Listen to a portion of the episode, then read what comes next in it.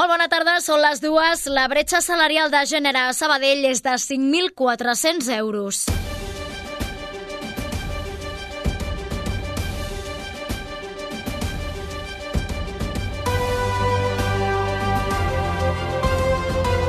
Notícies migdia. Núria Garcia.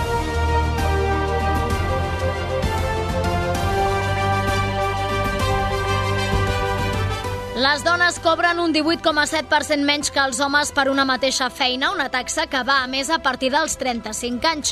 Ara bé, a la ciutat i a diferència de la resta de municipis de la comarca, les dones menors d'aquesta edat tenen sous més alts que no pas els homes. Mireia Menchen, tècnica de l'Observatori Comarcal, afirma que és un fenomen singular de Sabadell. El que sí que hi ha Sabadell diferent, per exemple, de la comarca, és que la, la franja d'edat menor de 35 anys cobren més les dones, un 13% més.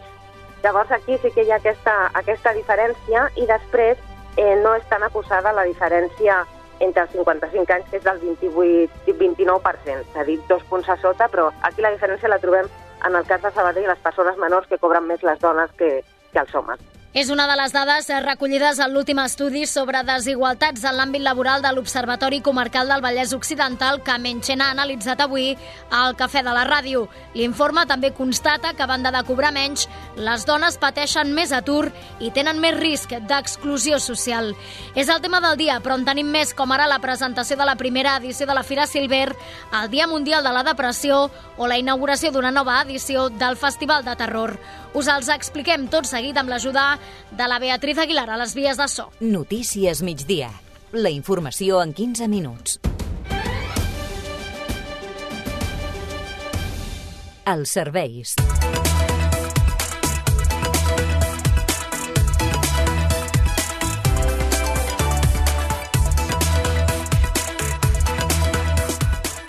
Comprovem uh, quina és la situació a aquesta hora a les carreteres catalanes que, segons informa el web del Servei Català de Trànsit, és completament tranquil·la, no hi ha incidències a aquesta hora.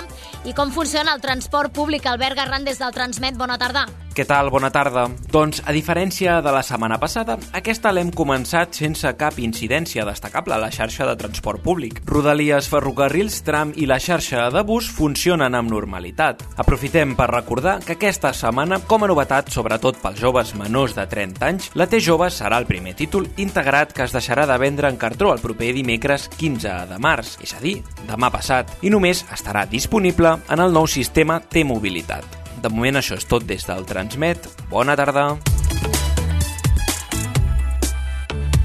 La notícia del dia. La posició de desigualtat de les dones en el mercat de treball a Sabadell es manté. Així ho recull l'últim informe de l'Observatori Comarcal que situa la bretxa salarial entre dones i homes a la ciutat en el 18,7%. Això implica que un home sabadellenc cobra de mitjana uns 5.400 euros més que una dona de la ciutat. L'estudi també constata que les diferències són menors quan les dones són més joves, mentre que dels 35 anys en amunt es van ampliant. L'Observatori Comarcal ha publicat aquestes dades amb motiu de la commemoració del 8 de març. Helena Molist, bona tarda. Bona tarda. Per norma general, les dones continuen cobrant menys que els homes per una mateixa feina. La diferència és de pràcticament un 19%, però a un menor salari cal sumar també un major pes en l'atur registrat. Segons recull l'estudi, el col·lectiu femení de Sabadell registra una taxa de desocupació del 13,1% enfront del 9,2% d'atur entre els homes. Una realitat a la qual també cal sumar dos factors més. El grau de temporalitat temporalitat dels contractes. 3 de cada 10 dones sabadellenques treballen a temps parcial, mentre que només un 13% dels homes es troben en aquesta situació. A més, es perpetua la segregació horitzontal, és a dir, feines totalment feminitzades. La tècnica de l'Observatori Comarcal Mireia Menchen ha incidit en aquest aspecte en una entrevista al Cafè de la Ràdio. En el cas de les eh, feminitzades, gairebé totes són del sector dels serveis, entre ells serveis socials, eh, educació, serveis, a més, cap a la ciutadania. Les úniques dues que hi ha de la indústria és eh, de la indústria del cuir i de la peça de vestir, és a dir, tradicionalment també una ocupació eh, molt femenina. Quan mirem les activitats més masculinitzades, anem directament, la majoria són de la indústria, de mobles, fabricació de materials, construcció, i les dues que hi han uh, de serveis, que com he dit hi ha una gran proporció d'homes que es dediquen als serveis, però aquests són cap a les empreses, en comptes de cap a la ciutadania, un altre tipus de servei. Un caldo de cultiu que fa que les dones tinguin major risc de pobresa, un 14,3% enfront del 13,2% dels homes. Però l'informe també recull un indicador positiu. Sabadell, a excepció de la resta de municipis de la comarca, és l'única població en què les dones menors de 35 anys cobren més que els homes, concretament un 13% més. I de feines feminitzades i de bretxa salarial passem a parlar de rols de gènere, perquè l'Escola s'ha muntat engegat el programa Consent, un projecte per promoure precisament aquests rols de gènere saludables i el consentiment entre els alumnes del centre. Des del centre, Xavi Núñez, docent, afirma que s'havien trobat amb que molts alumnes, quan arriben a la pubertat, no tenien un espai segur per poder parlar de l'amor o la sexualitat. Amb aquest programa Consent volen trencar aquestes dinàmiques.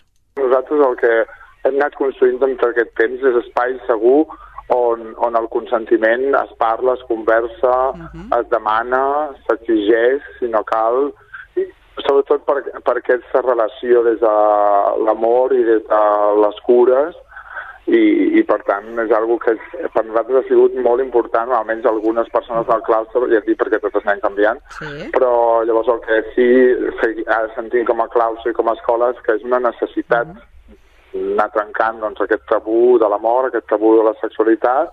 Les famílies també juguen un rol important en aquest programa, amb un espai on poden compartir dubtes o inquietuds que tinguin dels seus fills.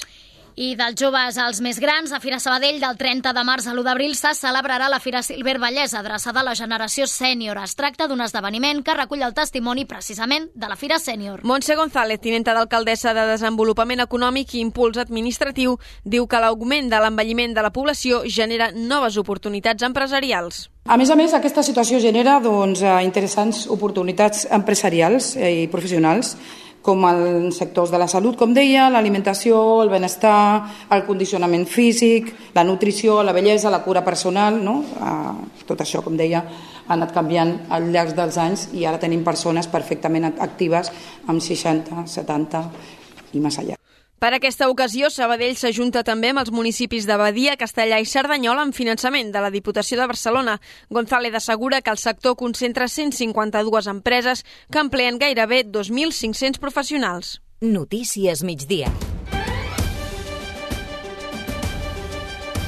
15 minuts d'informació. Les dues i pràcticament 8 minuts, la salut mental encara no està integrada en els hàbits de la ciutadania, un fet que suposa un llast per superar aquestes dolències. Així ho ha lamentat aquesta emissora al cap d'àrea de salut mental al Taulí, el doctor Sidara Acevillo. Karen Madrid, bona tarda. Bona tarda. Coincidint amb el Dia Mundial de la Depressió, Acevillo assenyala els deures pendents. Tothom entén que és bo exercici, tothom entén que, jo què sé, que bueno, hauríem d'entendre que fumar no, no ens va bé, no? I el tema de cuidar la, la, la, la nostra salut mental, això a vegades no, no, no, no, no ho tenim tan clar, no? perquè es relaciona més amb aquesta cosa de jo puc o jo m'haig d'apanyar com sigui. No? I d'entrada en parlem poc. Una de les afectades, Laia Martínez, lamenta que la malaltia sovint no es veu de portes en fora. Pot venir com cara al públic mai es nota, eh, ets superextrovertida, eh, pots anar a festa, pots estar amb amics, tal i qual, però tu sempre a tu mm, te sents buida, 100%, no? Per això, segons Acevillo, és important deixar d'atribuir la depressió a una personalitat dèbil. I el diagnòstic de l'endometriosi està millorant, així ho reivindica la ginecòloga també del taulí Montserrat Mestre, coincidint amb la commemoració del mes de l'endometriosi. Mestre assegura que cada cop es tenen més en compte els símptomes de les pacients, prioritzant-los a les proves diagnòstiques. De fet, lamenten declaracions al cafè que fins ara s'ha enfocat des d'un prisma poc efectiu. Es creu que s'arriba a un diagnòstic, malauradament, sí, de 6 a 8 anys després de l'inici dels símptomes. I és aquí on hem d'incidir d'acord? Uh, probablement uh, hem, anem, anem tard en quant al diagnòstic, en quant sempre s'ha de, de, demanat el diagnòstic histològic, no? o, o el gol estàndard ha estat la, la laparoscòpia, la cirurgia i, i treure mostres per saber segur que era l'endometriosi. Actualment aquest paradigma està canviant. L'endometriosi és una patologia crònica que afecta un 10% de les dones, provocant menstruacions doloroses i, en molts casos, infertilitat. Notícies migdia. De dilluns a divendres, a partir de les dues. Els pagesos de l'Olivera, que conreen les vinyes del Via Raona del Parc Agrari, estan buscant eines alternatives per evitar els efectes de la sequera. Així ho ha explicat en una entrevista al programa El Cafè Íñigo Jaugei de l'Olivera. A poc a poc s'haurà d'anar pensant en nous mecanismes per intentar eh, generar estalvi d'aigua en el sentit de, de, de com compensar a nivell agronòmic aquesta manca d'aigua. Hi ha tècniques agronòmiques que es van aplicant a poc a poc. És veritat que, per exemple, un tema com les cobertes vegetals, que es treballa molt, eh, s'està mirant molt quin és l'impacte, eh, mecanismes com el mulching, que són mecanismes que es practiquen molt a l'horta i a la vinya s'estan començant a fer alguns experiments. Nosaltres mateixos, l'Olivera, estem fent experiments amb mulching, amb, amb closca d'ametlla eh, ficada sota el cep per veure si ens aguanta una mica les humitats i aquestes aigües. Vull i mentrestant, des de l'Olivera esperen, Helena, que la primavera arribi carregada de precipitacions. Sí, Jauge ha admès que si la nova estació no arriba amb pluges entraran en una situació crítica. De fet, els pagesos admeten que la sequera els ha fet la guitza durant els últims 3 anys.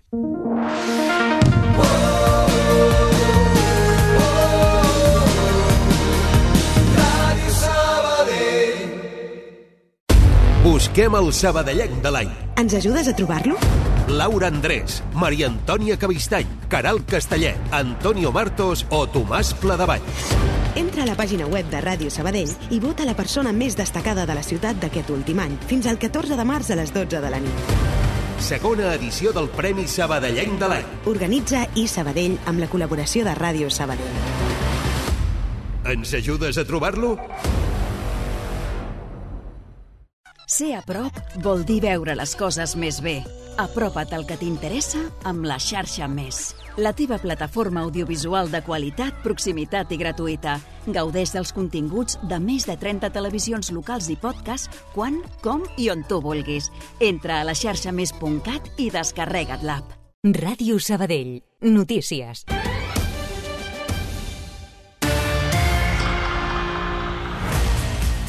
Tres minuts per arribar al punt d'un quart de tres. La moció de censura de Vox es debatrà i es votarà els dies 21 i 22 de març. Així ho ha confirmat avui la presidenta del Congrés, Meritxell Batet. La moció contra Pedro Sánchez tindrà l'economista Ramon Tamames com a candidat a la presidència del govern. Vox va registrar la moció de censura el 27 de febrer passat. És la sisena de la democràcia, la primera amb un candidat independent i la segona que impulsa el partit d'extrema dreta aquesta legislatura. El govern espanyol creu que serà una bona oportunitat per contraposar models. El sector financer enfonsa l'IBEX 35 contagiat per la fallida del Silicon Valley Bank i el tancament del Signature Bank. Els bancs han fet desplomar-se més d'un 4% la borsa espanyola, que se situa per sota de la barrera psicològica dels 9.000 punts. Després de les fallides dels Estats Units, avui s'ha conegut que el banc HSBC, el més gran d'Europa, ha comprat per una lliure la filial al Regne Unit del Silicon Valley Bank a través d'un rescat privat facilitat pel govern britànic i el Banc d'Anglaterra. A tot això, el govern dels Estats Units s'ha compromès a garantir tots els fons dipositats al Silicon Valley Bank, de manera que els seus clients, ja siguin particulars o empreses, hi puguin tenir accés. I tota la vegada a tot arreu, gran triomfadora de la 95a edició dels Premis Òscar. La bogeria multiversal de Daniel Kwon i Daniel Scheinert s'ha d'endut 7 de les 11 estatuetes a les quals estava nominada, entre ells el de millor pel·lícula i millor direcció. La segona gran triomfadora de la nit ha estat la producció alemanya Res de nou a l'Oest, que ha aconseguit 4 de les 9 estatuetes a les quals aspirava, entre elles la de millor pel·lícula internacional. Brendan Fraser, per la seva interpretació al film La ballena, ha obtingut el guardó a millor actor, mentre que Michelle Yeoh s'ha endut el de millor actriu. El premi a la millor actriu de repartiment ha estat per Jamie Lee Curtis, mentre que el de millor actor de repartiment ha anat a parar a Kei Hu Kwan. Cultura. El Festival de Cinema de Terror de Sabadell arrenca avui la seva onzena edició amb projeccions, xerrades i altres activitats fins aquest diumenge. El director del certamen, David Garnacho, ha explicat al programa al matí quina proposta li donarà el tret de sortida aquest vespre. Farem la primera projecció dels curs eh, Sí? seleccionats eh, com a finalistes pel concurs de curs. Uh -huh. I avui tota, farem un total de 15 curs Sí. i bueno, mm, vindran diversos directors a presentar-los, eh, tindrem vídeos de Mhm. convidats, tindrem presentacions, eh, Mhm. tindrem els curs i bueno, una, una tarda que per passar l'estona està molt bé. Totes les projeccions seran als cinemes Imperial, a excepció de la Cluenda, que tindrà lloc diumenge a l'Auditori de l'Espai Cultura. El temps. La previsió meteorològica de la mà del Lluís Mi Pérez. Bona tarda. El temps ha de continuar sent molt suau al llarg de les properes hores. Només a la costa daurada i la costa barcelonina començarà a frenar la temperatura, però a la resta del país encara de 20 a 25 graus. I, de fet, cap a la Baixa Garrotxa, també al Pla de l'Estany o al Pla de Lleida, de 25 a 28 graus aquesta tarda. déu nhi El vent de Garbí molt insistent a les comarques de Girona i ja quan arribi el vespre i la nit, de cop i volta el vent també es reforçarà molt a les comarques del sud de Lleida, la Catalunya central i l'àrea metropolitana de Barcelona. També aquesta tarda arribarà alguna tamborinada al nord de Lleida i ja de nit alguna gotellada a les comarques de Girona, la Catalunya central o fins i tot cap a la costa de Barcelona. Fenòmens vistos i no vistos. Pel que fa al dimarts baixarà una mica la temperatura, només amb algun ruixadet de tarda al voltant del Baix Empordà o al Montseny i també ventades al sud de Catalunya, sobretot a les Terres de l'Ebre i al Camp de Tarragona. Ho anirem seguint aquí a la xarxa. Un quart de tres, marxem.